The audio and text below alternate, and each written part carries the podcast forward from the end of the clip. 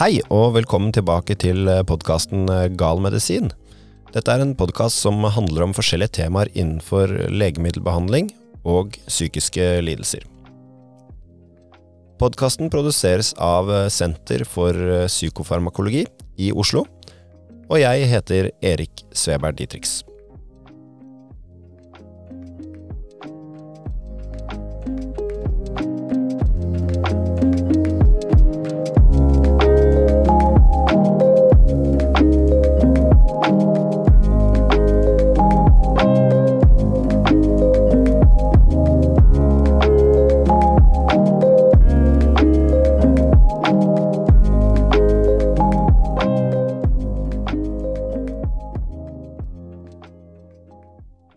16. mars 1978 viste Atlanterhavet seg fra sin verste side. Vest for Frankrike stilte været store krav til skip og mannskap. Full storm blåste over høye dønninger, og skummende bølgetopper slo innover oljetankere og frakteskuter i fart mot Europas store havner. Amoco Cadiz var på vei mot den største av dem alle. 200 000 tonn råolje balanserte over tankerens kjøl og hadde destinasjon Rotterdam. Amoko Cadiz var inne på sin siste del av en lang reise. Hun seilte mot Rhindeltaet, som rommer Europas største havn. Men oljen, som var lastet i Saudi-Arabia og Iran, den skulle aldri nå fram til Sør-Holland. I den grove sjøen utenfor Bretagne tok det mange timer fra ulykken inntraff til katastrofen var et faktum. Kvart på ti slo en stor bølge inn mot Amoko Kadis sitt ror. I løpet av et øyeblikk sluttet skipet å lystre kaptein Badari og hans mannskap på broen. De kunne ikke forhindre at vind og bølger førte dem stadig nærmere land. Lenge så det imidlertid ut til at det store tankskipet skulle unngå katastrofen, der det drev hjelpeløst i utløpet av Den engelske kanal, våren 1978. Da Amoko Kadis mistet styringen, var nemlig den tyske taubåten Pacific ikke langt unna. Mannskapet om bord skulle få en krevende jobb med å hjelpe det som viste seg å være en fortapt kjempe. Oljetankeren, mer enn 200 ganger tyngre enn taubåten, drev uten styring og i full storm mot Frankrikes kyst. Etter mye strev ble en slepeline festet og forsøk på tauing iverksatt for å forhindre at hundretusenvis liter olje skulle lekke utover hav og strender. Slepelinen røyk rett etter klokken ti. Det tok ikke lang tid før det massive skipet var kastet opp på en grunne. 44 mennesker befant seg om bord på den mørklagte oljetankeren. De hadde ikke annet å gjøre enn å vente. Et fransk redningshelikopter var på vei for å løfte dem unna det frådende havet. Oljen var allerede på vei ut av det grønnstøtte skipet, og bølgene ble farget svarte. Lett råolje spredte seg raskt i det opprørte havvannet. Ingen kunne forhindre at innholdet i den enorme oljetankeren drev mot en sårbar kystlinje. I løpet av de neste to ukene skulle Amoko Kadis tømmes fullstendig for sin last fra den persiske gulf. Hver dag strømmet 20 000 kubikkmeter olje ut i det kalde havvannet. Oljeflaket hadde snart radius på mer enn seks kilometer. I dagene som fulgte, sørget vinden for at oljen ble vasket innover hele nordvestkysten av Bretagne. Oljen fra Moko Cadiz, som la seg på strendene og ble værende i brakkvannet som skiller bretonske elver fra Atlanterhavet, gjorde enorm skade. 20 000 fugler måtte bøte med livet. Fuglenes klesdrakt er ikke bare nødvendig for å fly og flyte. Luftige fjær isolerer huden fra kaldt sjøvann. Med oljete fjærdrakt kan den ikke beskytte seg mot den truende nedkjølingen. I oljetilsølt vann fryser mange fugler i hjel. Andre får i seg olje når de leter etter mat. Skade på lever og nyrer er alvorlige konsekvenser. For fugler som redder seg i land, er ikke problemene over. Med fjærdrakten fører de olje med til sin reir. Rugende fugler dekker sin egne egg i olje. Gassutvekslingen med omgivelsene blir umulig, og oljen kveler avkommet. Overlevende dyr langs Betanes strender egnet seg ikke lenger som mat. Innholdet av skadelige stoffer i kjøttet økte 15 ganger over tillatte nivåer. Problemene med et oljeutslipp begrenser seg ikke til havets overflate og dyrene som hører hjemme i vannskorpen. Av de store mengdene olje som lakk ut av Amoco Cadiz, fordelte mer enn 30 000 tonn seg raskt i vannsøylen rundt tuppen av Bretagne. For fisken, som svømmer under overflaten, kan kontakt med olje være fatalt. Gjellene gjør dem i stand til det vi mennesker ikke klarer, å tilføre blod og oksygen under vann. Uten gjeller kan fisken verken ta til seg oksygen eller kvitte seg med karbondioksid. Effekten av olje som blokkerer gjellene, er derfor fatal, slik den er hos mennesker som får munn og nese dekket, uten mulighet til å trekke frisk luft ned i lungene.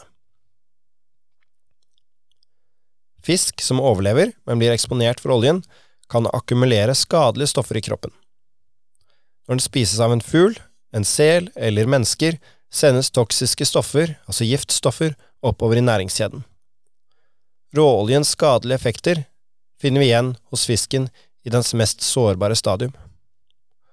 Lave konsentrasjoner av de giftige bestanddelene i oljen som rant ut av mokadis, kan være nok. Hvis fisken blir eksponert helt tidlig i livet, kan det gi alvorlige konsekvenser.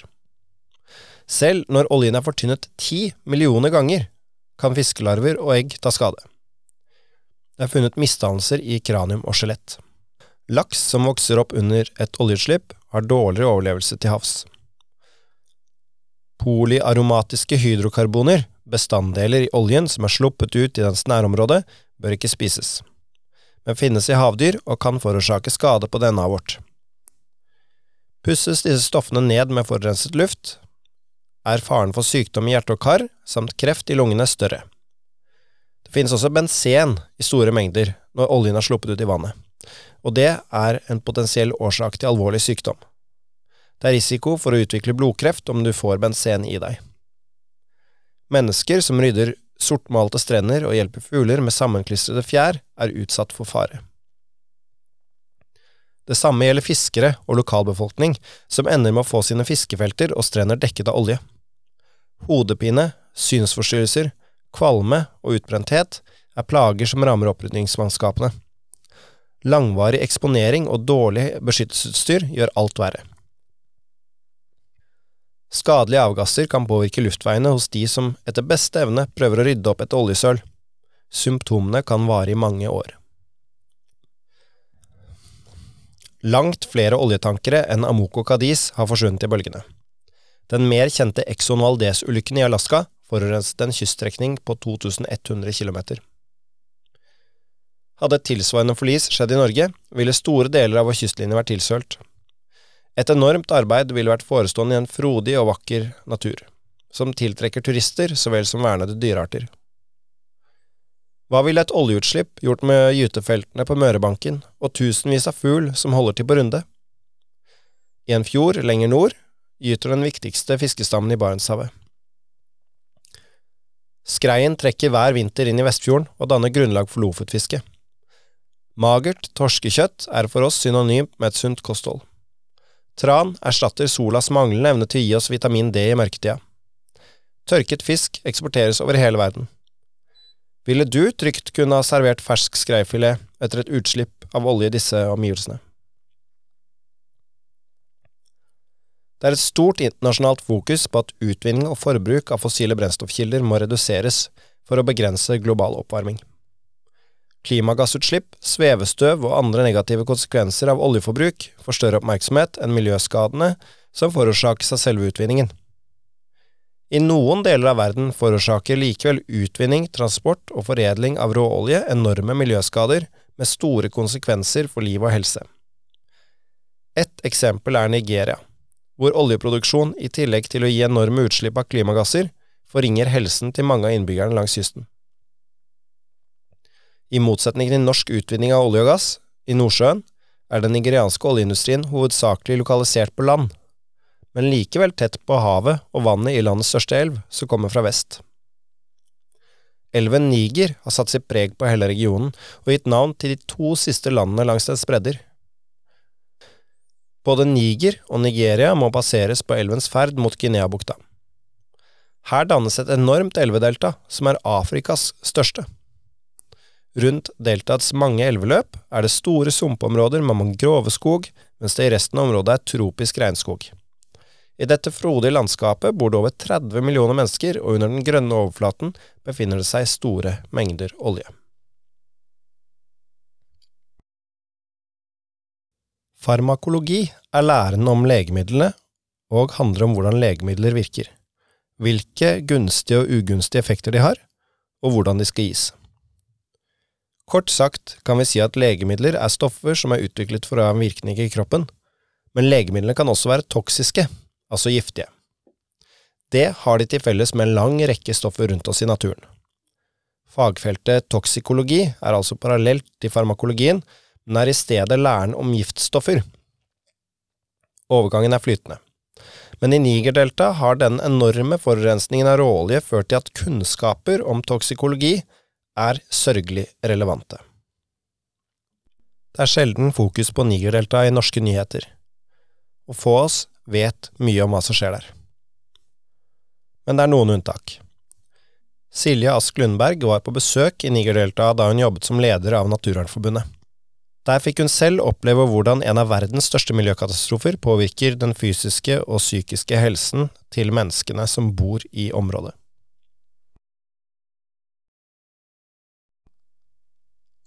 Silje, du er en av de få jeg kjenner, eller den eneste egentlig, eh, jeg kjenner, og kanskje også den eneste jeg vet om faktisk, som har vært eh, i Nigerdeltaet. Eh, hvorfor det? Jeg var der da jeg jobba i Naturvernforbundet. Da Eller en av de organisasjonene som Naturvernforbundet samarbeider mye med, er en organisasjon som heter Environmental Rights Action, forkorta for ERA, som er med i samme sånn eh, Friends of the Earth-nettverk som Naturvernforbundet. Friends of the Earth, er, er det som Naturvernforbundet globalt? Ja, det er på en måte både Ja, det er Naturvernforbundet globalt. Eh, og så er det ofte altså Naturvernforbundet har jo på en måte en 100 år gammel historie, og, og det er særlig på en måte eh, har jo ofte vært sånn naturødeleggelser som var driveren bak mye av det som Naturvernforbundet gjorde i starten, mens Friends of the Earth-nettverket er på sett og vis yngre. Det ble starta på slutten av 80-tallet, tror jeg, og da var det nok klimaet var mer framtonende der fra start. Med ozonlag kanskje og den type ting? Ikke sant. Ja. Eh, men så er det da eh, Det er et nett, globalt nettverk som vel har medlemsorganisasjoner i eh, om det er i 130 land eller lignende. Og da er det én organisasjon i hvert land. Så det er Naturvernforbundet i Norge, og så er det da ERA i Nigeria. Og de jobber mye eh, med, eller mot, eh, oljeutvinning. Um, så vi har både gjennom flere år hatt et samarbeid med dem, og en av de tidligere lederne der er en som heter Nimo Bassi, eh, som har vunnet den alternative fredsprisen i Norge, Raftoprisen, um, og som er en ganske sånn prominent miljøverner. Um, så han har vært mye her. Vi hadde han i Lofoten og sånn. Og så har vi da, eller så var jeg også besøkte dem i Nigeria i forbindelse med et landsmøte i Friends of the Earth International, som var i Abuja. Eh, så da dro vi også til Port Harcourt, og så inn eh, i Nigerdeltaet derifra skal vi snakke straks om hvorfor man drar til Nigerdeltaet som uh, miljøverner. Eh, men hvor er det? Eh, det er jo i Afrika, på det afrikanske kontinentet, og så ligger eh, Nigerdelta helt sånn sør i Nigeria, sånn at det er på en måte det som er og det er et ganske stort område, et deltaområde, da, så det er jo på en måte med vann, med tiden, tradisjonelt, historisk, var det også frodig med mangroveskog osv. Um, før du så på en måte kommer helt ut til på en måte havet. Ja. Um, ja. Svært. Eh, jeg måtte lese meg litt opp. Det bor 30 millioner mennesker der. Det, så det er jo altså fem-seks ganger større enn Norge ja. i befolkning, og sikkert et område veldig få nordmenn egentlig har hørt om. Eh, og så leste jeg veldig mye forskjellige folk altså Det er jo naturlig når det er 30 millioner at det er mange forskjellige befolkningsgrupper også som bor der. Eh, og Mye jordbruk, har jeg skjønt. Veldig frodig, sånn at man har levd mye av jorda. Stemmer det? Kjempefrodig. Man Ja. har levd av jorda, og man har levd av fiske, på en måte det man tradisjonelt har levd av i flere av de her små lokalsamfunnene. Ja, for det er mangroveskog, ikke sant, som er sånn veldig øh, flott område for fisken å formere seg i og sånt. Ja, stemmer. Så da, og da har det vært veldig sånn småskala kystbasert eh, fiskeri, altså at man på en måte har vært eh, et par mennesker i en liten robot, på en måte. Kanskje også hatt motor, motor, men ikke nødvendigvis. Og du har ikke trengt å for noe langt ut heller for å på en måte få fangsten. Og så gjennom det man har hatt, så har man på en måte da hatt mulighet både til å brødfø seg sjøl, og kanskje også å selge noe og få på en måte noe inntekt på det også. Men, eh, men det er på en måte det som tradisjonelt har vært, da.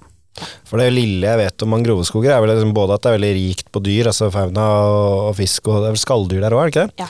Eh, og at det i tillegg jo også gjør at eh, når du har den vegetasjonen der, at eh, vannet er rolig, at det er ganske trygt å ferdes. Ja. Nå er det selvfølgelig en del dyr og altså andre utfordringer, helseutfordringer der, selvfølgelig, men at det i hvert fall er sånn at havet ikke er en stor trussel for de som på en måte fisker inni de områdene der, Det sånn jeg har skjønt det. Det stemmer. Du kommer jo selv fra Harstad og er vant til kanskje litt tøffere liksom, forhold Ja, eh, her på sjøen. er, her er på en måte mangroveskogen funker på en måte som Ja, det gjør det veldig rolig. Ja. Eh, og så er det jo heller ikke Man har eh, I hvert fall på en måte det man tradisjonelt også har drevet i delta, er jo ikke sånn stor trål, liksom. Eh, så man Det har har ikke vært båndtråling. Nei, Nei. det har det virkelig ikke. Nei. Så der har det vært eh, Men har det ikke også vært eh, noe eh, Som du skjønner, jeg har lest litt om det, da. Eh, så noe fiskeoppdrett, at man liksom har kultivert fisk selv også? Jo, Ja. det har vi. Sånn at da vi var på besøk en av de landsbyene som vi var på besøk i, en som heter Bodø, og da vi var der, så viste landsbyhøvdingen oss på en måte hvor han eh, tradisjonelt har hatt oppdrett av eh, fisk.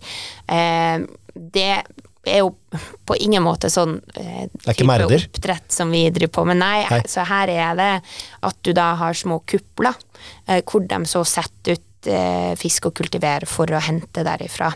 Eh, så det er på en måte sånn de eh, tradisjonelt har, har drevet med kultivering av, av fisk fra delta. Da. Så det å kunne hente altså Akkurat som vi planter bær, så har de kunnet liksom hente fisk i hagen, på en måte? Ja, Ja, det er litt litt mer sånn til selvbruk? Ja, ja. Ja.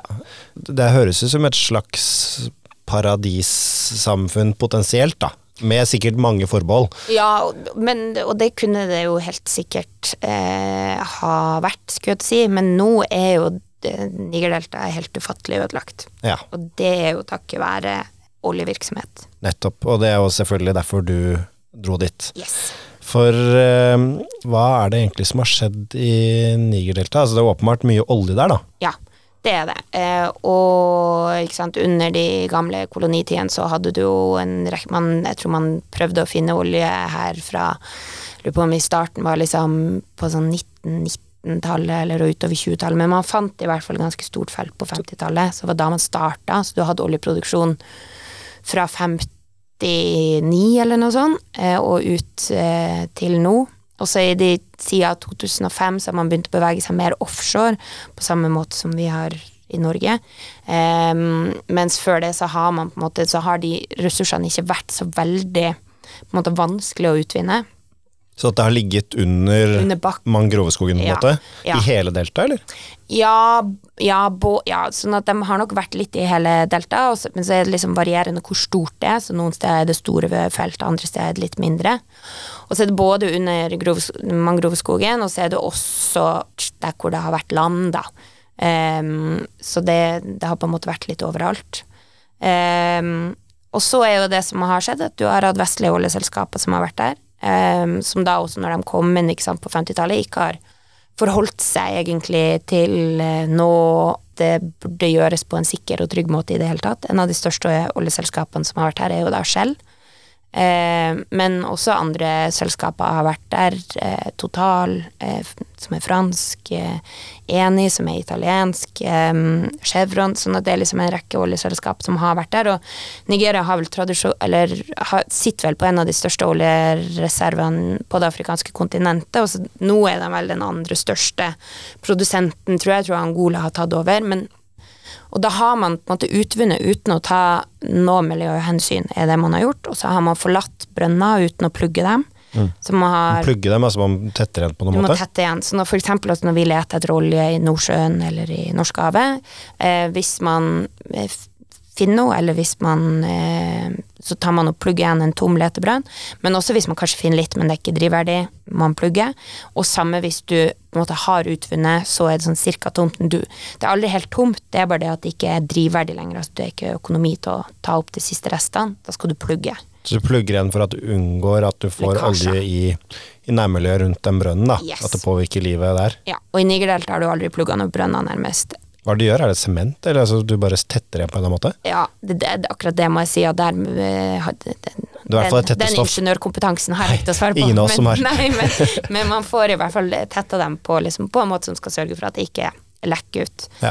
Um, mens uh, Og siden du har på en måte gjort det her med manglende sikkerhet, man har også så tror jeg også at det her i aller høyeste grad er jo en litt sånn åssen holdninger um, vestlige selskaper og vestlige mennesker har hatt også når man har operert i afrikanske land, på at man ikke Det er ikke så nøye om det skjer noe her, og det er ikke så nøye med hva som måtte hvilke konsekvenser som da måtte ramme de afrikanerne som faktisk skal bo her.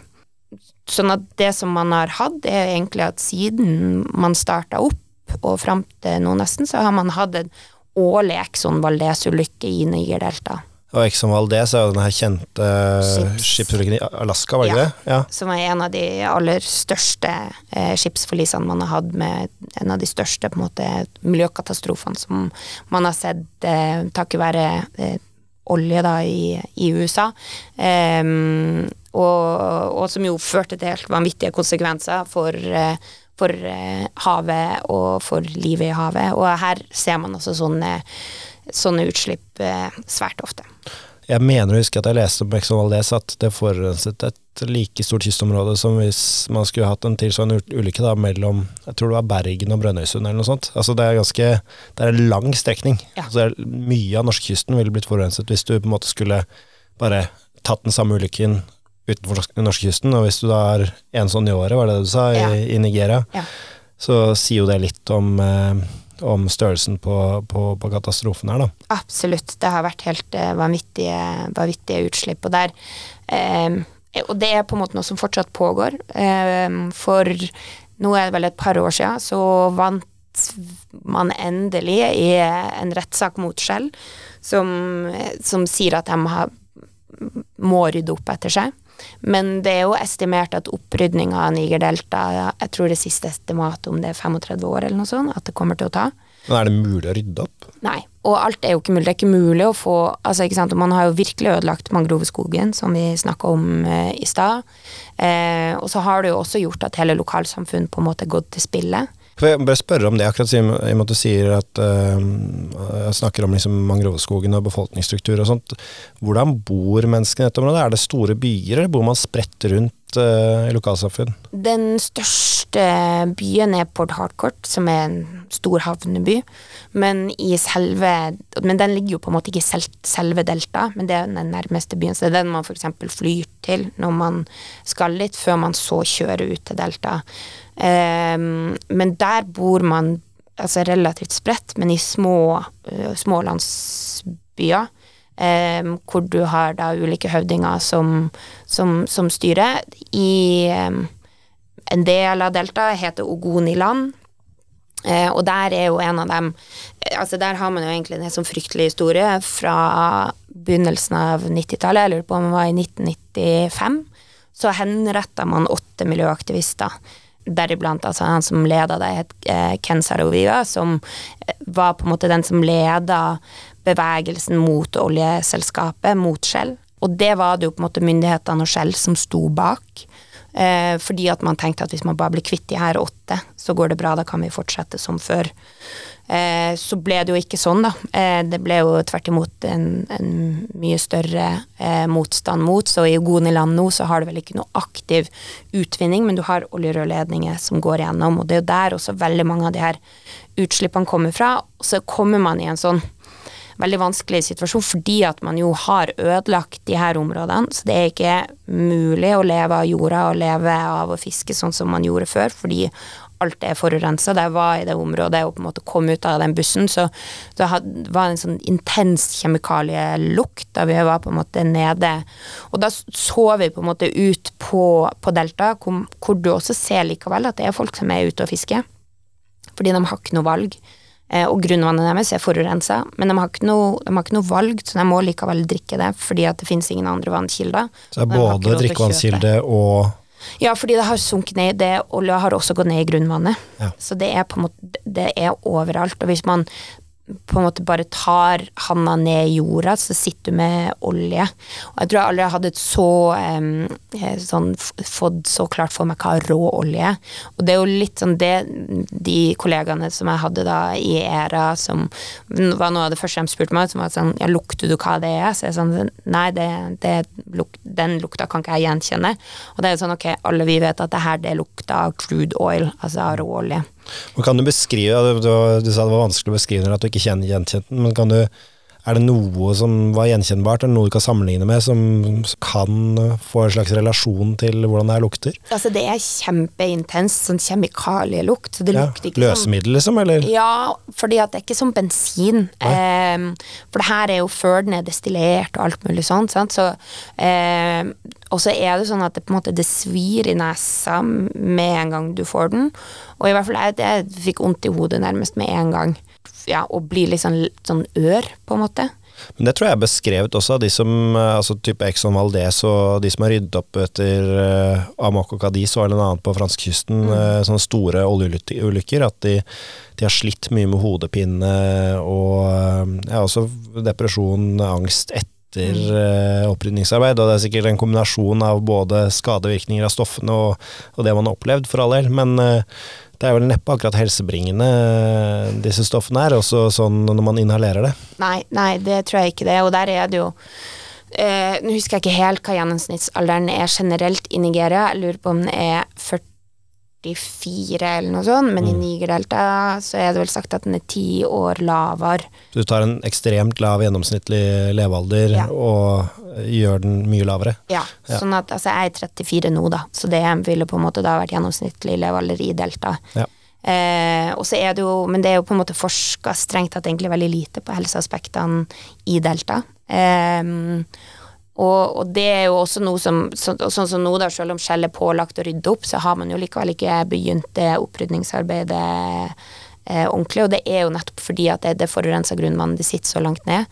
Så er det jo det å skulle sørge for en opprydning er jo kjempevanskelig. Og så har du da, når du har låst situasjonen sånn som du har, og du har mennesker som lever i delta som ikke kan brødfø seg. Altså de, de, de, har ikke mulighet til å skaffe seg mat engang.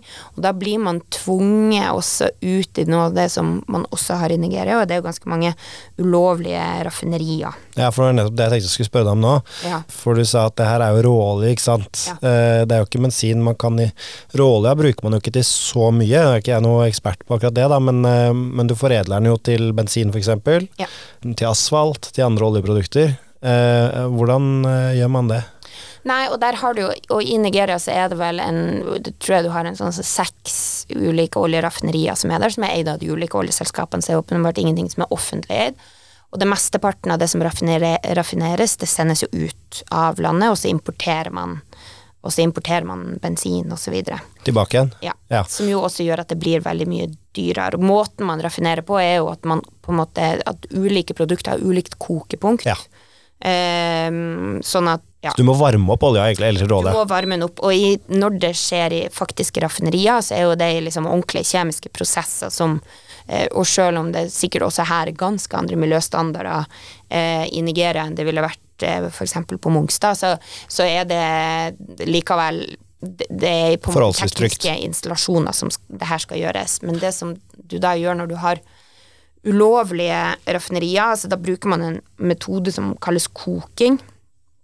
Eh, og da tar det å varme opp så For det første, det er jo mange ledd i denne prosessen som er veldig risikabel. Det ene er jo åpenbart at man må få olja Du må på en måte få åpna oljerørledningen. Og nå er vi da altså inni Nigerdelta, ja. inni mangroveskogen. Ja. Og det er da lokalbefolkningen som, som selv destillerer for å selge videre, da, regner jeg Ja. med? Ja. Og da er du Da må du på en måte Men så er jo Og her igjen så har du på en måte en korrupsjon som er satt i system. Sånn at for veldig ofte for å i det hele tatt ha muligheten til å få olje fra oljerørledningen, fordi at de er under såpass høyt trykk, så må man jo kjenne noen som kan skru, på en måte som jobber med, med å transportere den olja, og som jobber eh, i oljeselskapene, som kan senke trykket, sånn at man faktisk kan åpne eh, eller ta hull på oljerøret okay. og hente ut olja, men uten at det bare at på en måte alt blåses til himmels. For det, da, altså oljen når den blir hentet opp fra der den befinner seg, så blir den transportert da med rør da, Ja. til Port Harcourt eller til, til raffineriene. For eksempel, eller de andre stedene hvor man har terminaler som oftest langs ut langs kysten. Ja.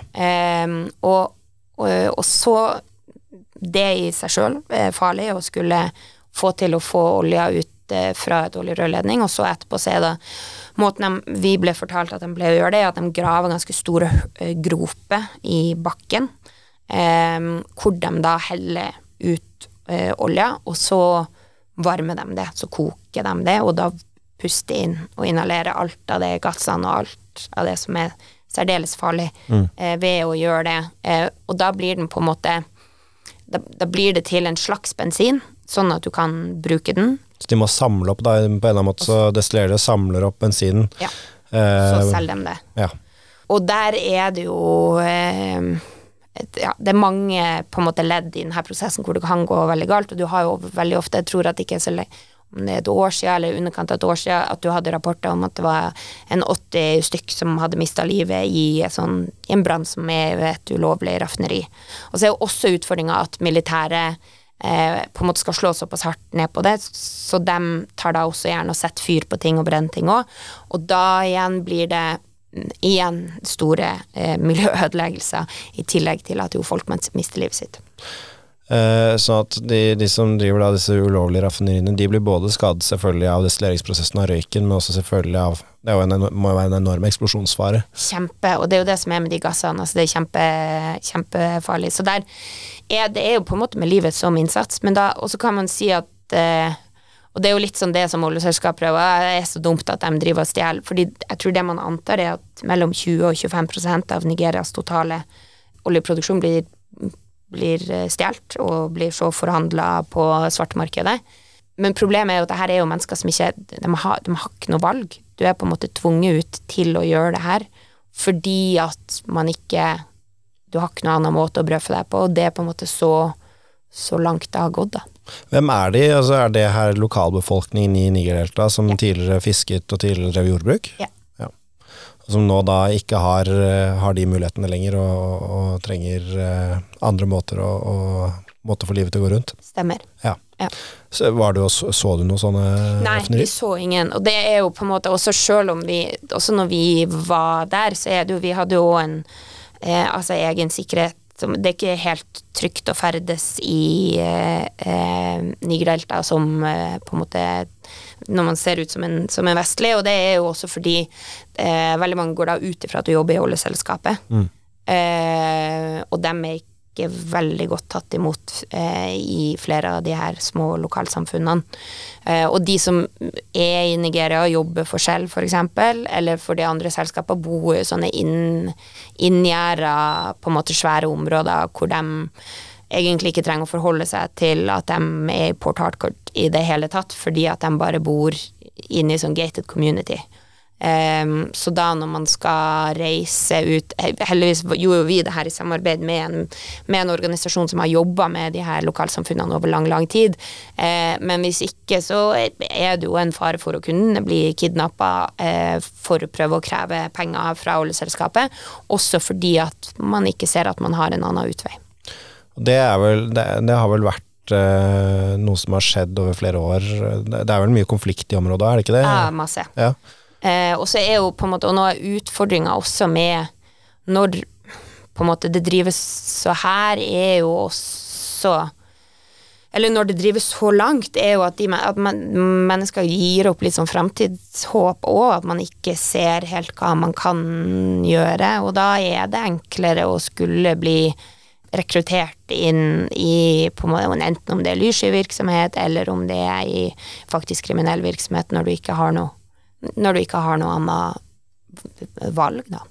Er Konfliktgrunnlaget der, er det, er det relatert til oljeinntekter fra ulovlig raffinering og sånt, eller er det sånn territoriale Det er nok begge deler. Ja. Eh, så det er nok, men altså i de byene som vi, eller i de landsbyene som vi var i, deriblant i Bodø, så vet jo alle hvem det er som driver med raffineringen, Mm. eh, fordi at de ofte har litt flottere hus, eh, sant? så man, man ser det. Men, men du har ikke nødvendigvis konflikter innad i lokalsamfunnet der bare av det, da. Eh, Når du kom til Bodø eller til områdene der, altså du beskrev at hvordan det luktet, men hvordan ser det ut? det, det ser jo bare veldig ødelagt ut, hvis Ja. jeg skal være helt eh, ærlig. Altså, du ser, og det ligger jo et sånn tjukt lag med eh, Altså sånn som man kan se når man på en måte har vært på bensinstasjon, og det er noen som har solgt litt bensin, liksom. Det er, eh, Regnbuefargen, liksom? Ja, eh, og at det ligger jo nesten ei sånn hinne overalt, da. Er det da i elva, eller er det også på land? Altså, Nei, det er også på land. Sånn at også på land, hvis du da, og i sanda, eller grusen på land, hvis du tar handa di ned, så, eh, og på en måte graver opp litt, sant, så, så er det, der er det ikke bare at det er hinne, da, da tar du opp råolje.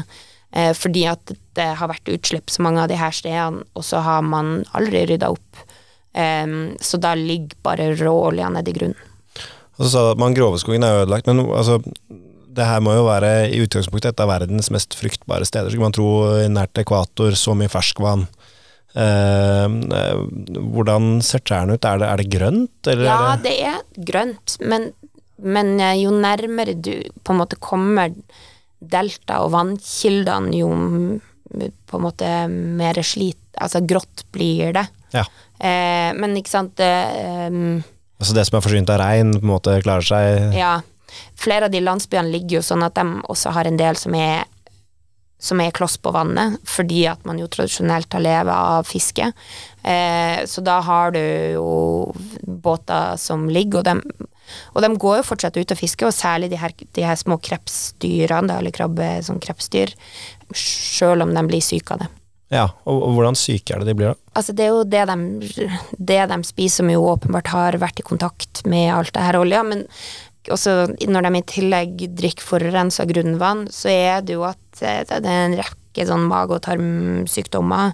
Jeg tror det er forhøya kreftrisiko i flere av de her. I en av de her rettssakene som jeg tror var mot Skjell, så er det jo han som var egentlig Altså for Noe av det som også er utfordringa med flere av de rettssakene som har vært, og særlig når de har vært i Nigeria, er også det er et annet rettssystem og litt andre lover og regler som gjelder. Så det som Shell ofte gjorde, var at de på en måte fikk advokatene til, mot, altså til dem som representerte eh, de familiene i Bodø og de lokalsamfunnene, til å heller begynne å jobbe for Shell, fordi at de bare kjøpte dem sånn at de heller begynte å jobbe hos dem. Det var billigere. Og det gjorde at prosessene ble drenert og drenert og drenert. Sånt er jo ikke lov, tror jeg, i Norge.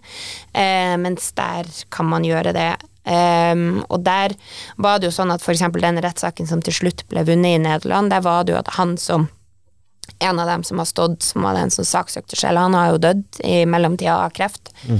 men da er det hans barn da, som er dem som på en måte har tatt det videre.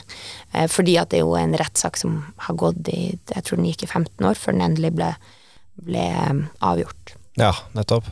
Og det er jo kanskje ikke så motiverende eller mulig for mange andre å, å ta kampen. Nei, og er og, på en måte Her var det jo For de rettssakene som har gått i det nigerianske rettssystemet, dem tror jeg enda ikke er avgjort, dem som går der.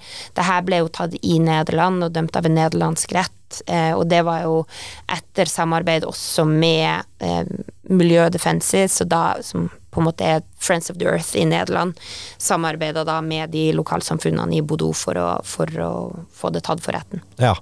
Men så uh, her er det jo da Virker jo som samfunnet er på mange måter blitt øh, ødelagt. Uh, du sier det, de fortsatt er noen som fisker, men er det, det er litt i lokalsamfunnet der, men er det sånn at de også øh, presses andre steder? For da fisken kan jo ikke overleve i den der oljevannet, eller gjør den det? Jo, noe kan det, men det er særlig kreps de tar. Krepsen, ja. Ikke sant. Eh, så den får av en eller annen, på en eller annen mystisk måte til å likevel helt fint overleve. Men, eh, men så er det jo noe med at den videre forbringer alle de kjemikaliene og Ja, tungmetallene ja, så videre videre, da. Ja.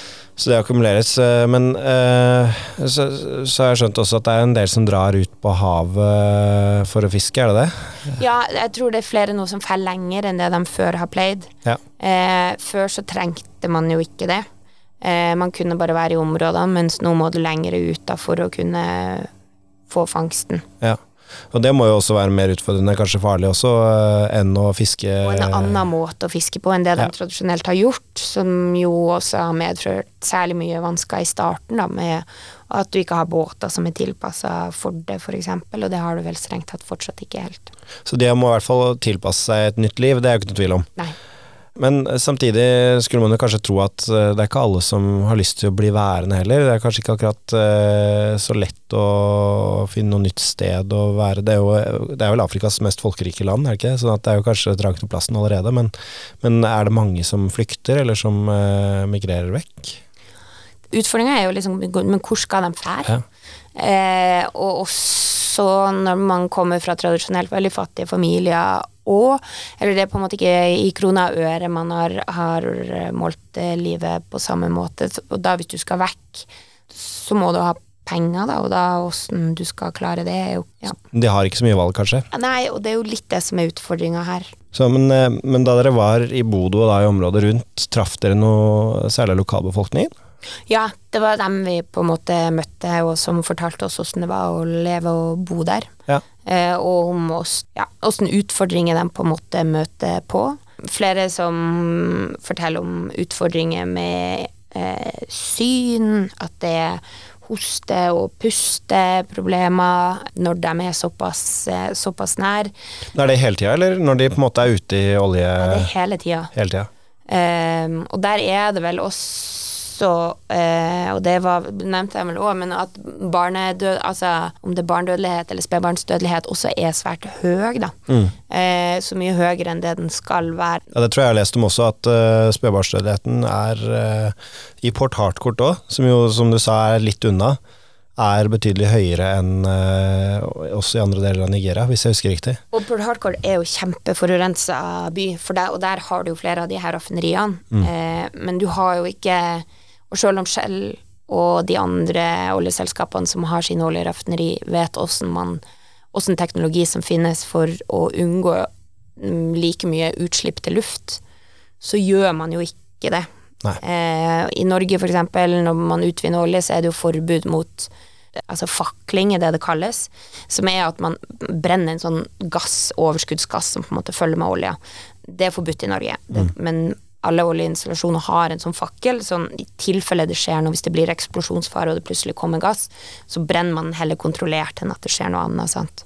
Mens her har du jo, her brenner du alt hele tida, du har fakling hele tida. Det i seg sjøl føler jo til et sånn at det legger seg nærmest et sånn lag med aske. Dem. Er dette da istedenfor at man utnytter gassen? Altså at Ja. man rett og slett bare brenner? For sant, du har olje og gass sammen, Ja. og så brenner du gassen? Ja.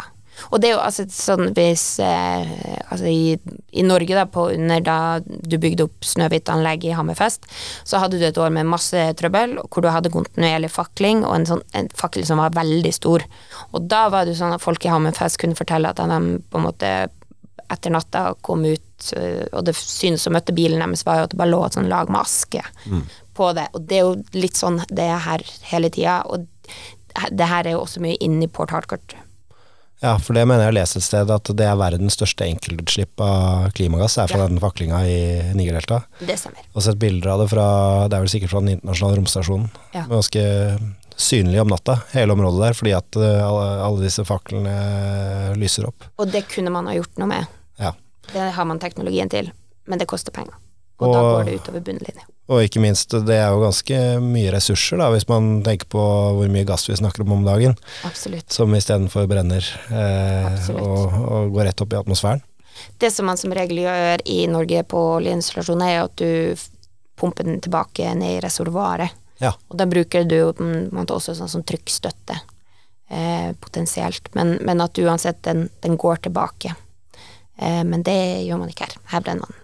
Så at det er ikke bare altså, drikkevannet og maten, men faktisk også lufta da, som er ganske forurensa i det området her. Ja. Det stemmer. Er det noe helt til slutt, er det noe, er det noe sånn tegn til bedring? Ser man, eh, er det noe håp for, for befolkningen, de 30 millioner menneskene som bor i Nigerdeltaet? Altså det er jo både ja og, og, nei, eh, på en måte er jo det enkle svar på det. Men jo, jeg mener jo at man alltid må ha litt sånn håp om at ting skal bli bedre. Og du har jo det at man vant den rettssaken mot Shell var historisk, og det utløser helt sinnssykt mye penger som de eh, må begynne å betale for å rydde opp etter seg. Eh, så forhåpentligvis gjør det at man kommer eh, lenger. Så hadde jo eh, Natur og eh, og Naturvernforbundet hadde et sånn Operasjon Dagsverk-prosjekt eh, i Nigeria eh, for noen år tilbake, hvor man da også handler om å utdanne ungdom til å eh, kunne si fra og engasjere seg på andre måter eh, enn å, at man på en måte fikk en framtid som så lysere ut, og som ikke nødvendigvis var å begynne å gå inn i ulovlig raffinering. Men også kunne melde fra om oljeutslipp osv. Og, så og man har heldigvis også en veldig altså Sivilsamfunnet i Nigeria og Environmental Rights Action er svært aktiv, så jeg vil jo absolutt si at det er håp. Eh, og så er utfordringa likevel at en del av de her oljeselskapene eh, og ikke nødvendigvis bare begrenset til olje for all del, men av de her internasjonale selskapene fortsatt har bunnlinja som hoved altså det er det det meste handler om. Så jeg tenker at det er noe av det som jo også åpenbart er viktig, at man får til en endring også i hvordan vestlige selskap kan drive på i utviklingsland, og at det, man ikke lenger kan se på det som en nærmest sånn utømmelig Egentlig utømmelig, og, og, samtidig en dumpingplass samtidig. Eh, og det er jo noe som eh, også vi som bor i vestlige land er nødt til å prøve å gjøre det vi kan for å være med og sette noen standarder der, da. Ja, absolutt. Og ikke minst for at befolkningen i området skal kunne ha et, eh, et ok liv. Ja. For det her høres jo ikke ut som et uh, fantastisk sted å bo, uh, akkurat. Nei. Nei. Tusen takk for at du kom, Silje. Tusen takk. Råoljen som utvinnes i Nigerdeltaet, har blitt utnyttet av oss mennesker i mange tusen år. Grekerne brukte råolje som et stridsmiddel, og kineserne brukte det til belysning før vår tidsalder. Likevel var det først på annen halvdel av 1800-tallet at oljebruk og utvinning skjøt i fart. Først i liten skala i Skottland, og fra 1860-tallet i stor skala i USA. Verdens første moderne oljeby ble Pithole City i Pennsylvania. Der stammer også målenheten oljefat fra, det var naturlig å måle oljemengden i de samme trefatene som man brukte til modning og lagring av pennsylvansk whisky. Nå ble flere av de kjente oljeselskapene stiftet. John Rockefeller grunnla Standard Oil i USA, og i Nederland ble forløperen til Shell grunnlagt i 1890. De hadde tilgang på oljeressurser i Indonesia. Utover 1900-tallet ble verden stadig mer avhengig av olje, og mange mennesker jobbet etter hvert med utvinning eller var i kontakt med petroleumsprodukter under foredling til for eksempel bensin eller asfalt. Råolje og stoffer som befinner seg i den, kan på flere måter komme i kontakt med eller finne vei inn i kroppen. I tillegg til å kunne inntas med forurenset mat og drikke, kan oljestoffer passere gjennom huden. Avgasser fra råoljen kan også inhaleres når vi puster. Fra studier på lokalbefolkning og arbeidere som har deltatt i opprydning etter store enkeltutslipp av råolje rundt om i verden, vet vi en del om hvilke konsekvenser råoljeeksponering kan ha for helsen. I flere studier er det vist negativ påvirkning av både øvre luftveier og lungene opptil fem år etter eksponering. Andre symptomer som går igjen, er skade på øynene, hodepine, kvalme, diaré og oppkast. Det er også økt risiko for å utvikle hudlidelser, og særlig betennelse i overhuden. Blant de som hadde deltatt i opprydningsarbeid uten hansker og dermed kommet i direkte kontakt med råoljen, var det flere som ble rammet av hudkreft. Studier viser også at etter å ha blitt eksponert for oljeutslipp, er det mange som får redusert livskvalitet og dårligere psykisk helse. Både trøtthet, angst og depresjon var utbredt i flere undersøkelser. Årsaken synes ikke bare å ligge i det traume det er å være i nærkontakt med et stort oljeutslipp, men også å være direkte relatert til giftige stoffer som man blir utsatt for i forbindelse med opprydningsarbeid.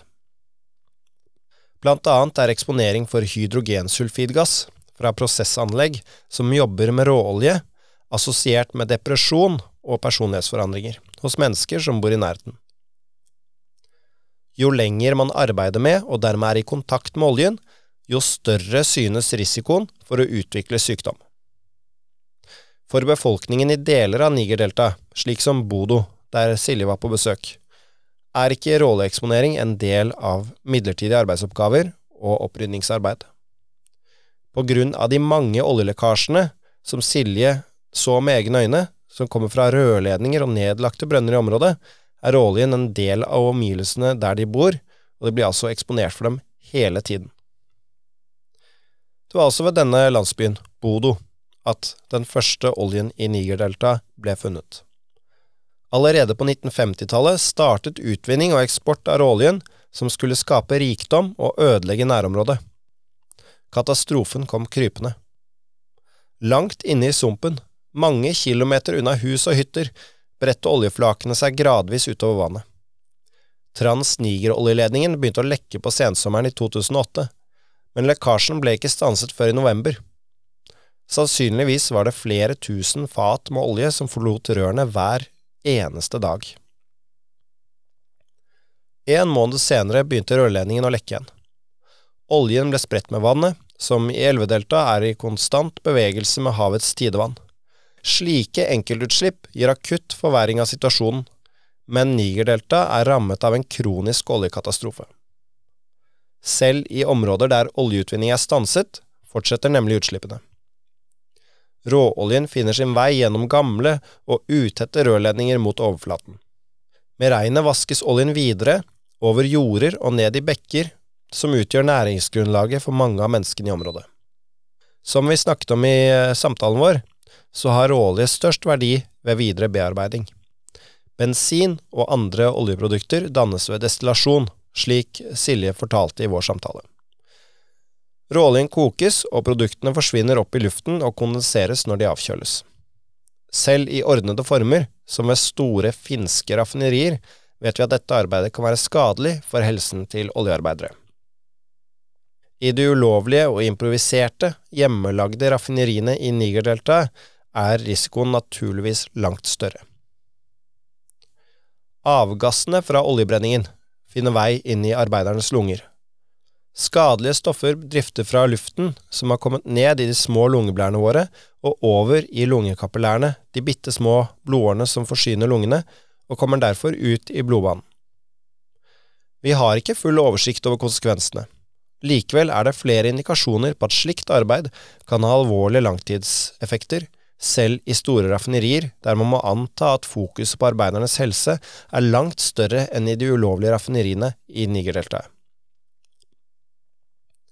Nevrofysiologisk og nevropsykologisk testing av tidligere raffineriarbeidere i California viser dårligere reaksjonstid, mer angst og mer aggresjon og depressive symptomer enn i normalbefolkningen.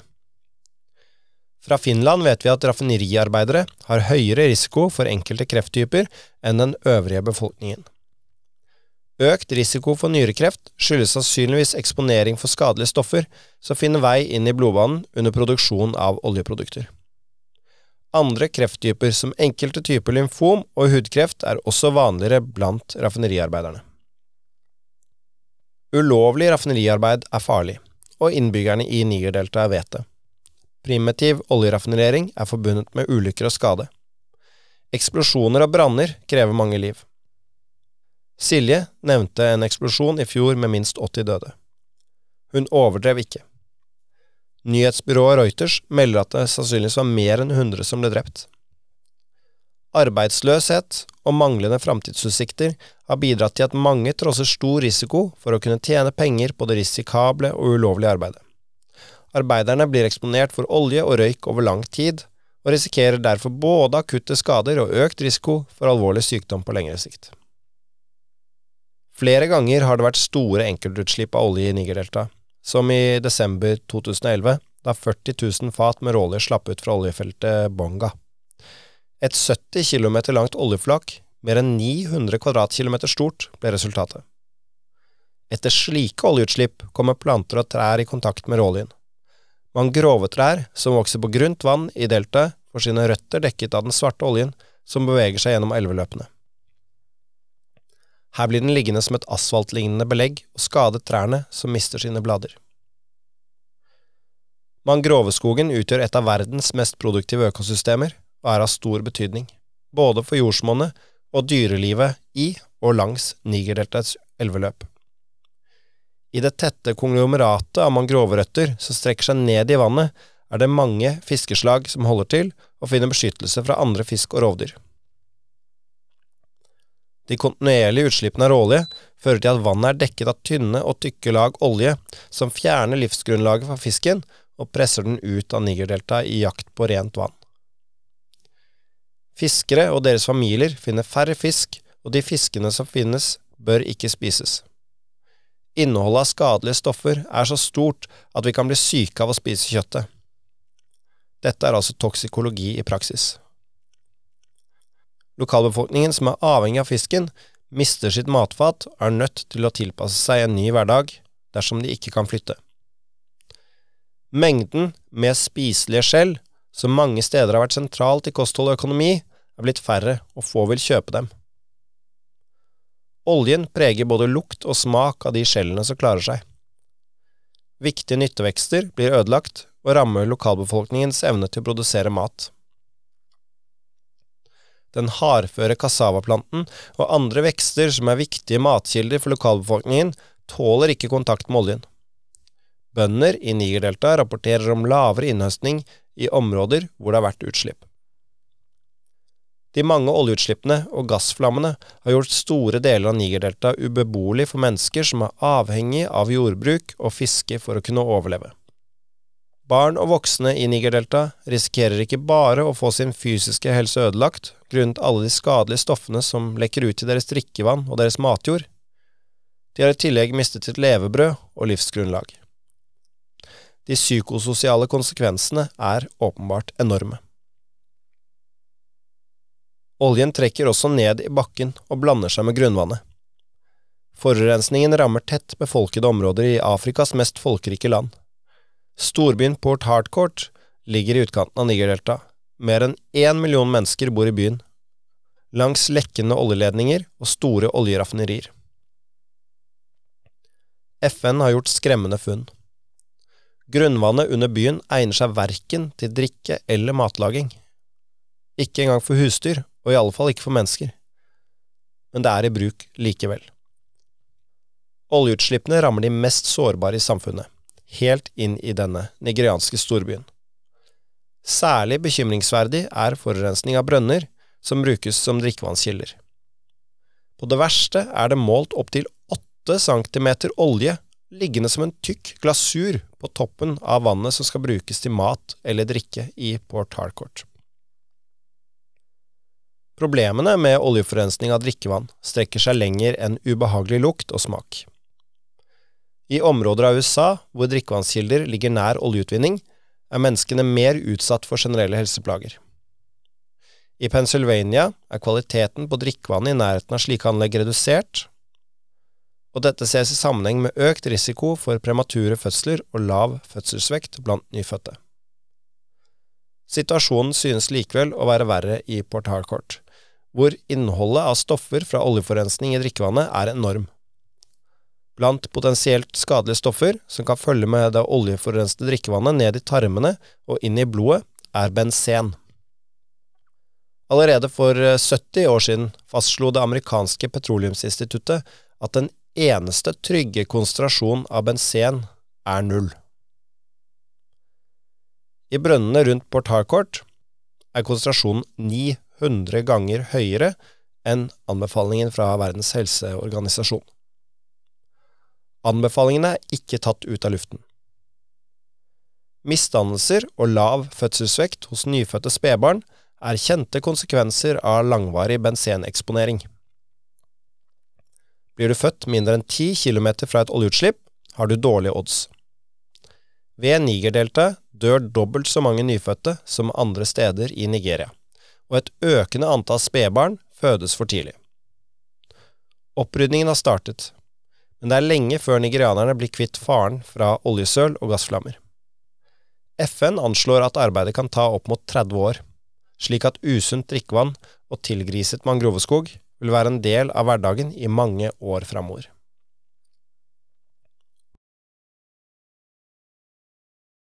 I denne episoden har vi hørt fra Silje Ask Lundberg, som er tidligere leder av Natur og Ungdom og Naturvernforbundet, og som nå er leder for Norden-kontoret av Oil Change International. Du har også hørt utdrag fra boken eh, Å bite seg i halen, som eh, kommer denne våren, og som Silje har skrevet forord til.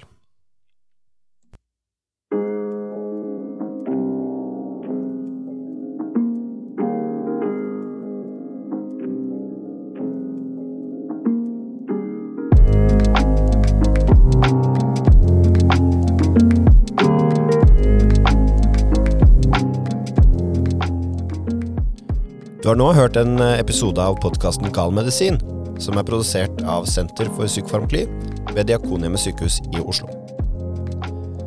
Vi vil med jevne mellomrom legge ut nye episoder av denne podkasten, og håper at du vil fortsette å følge med. Takk for nå.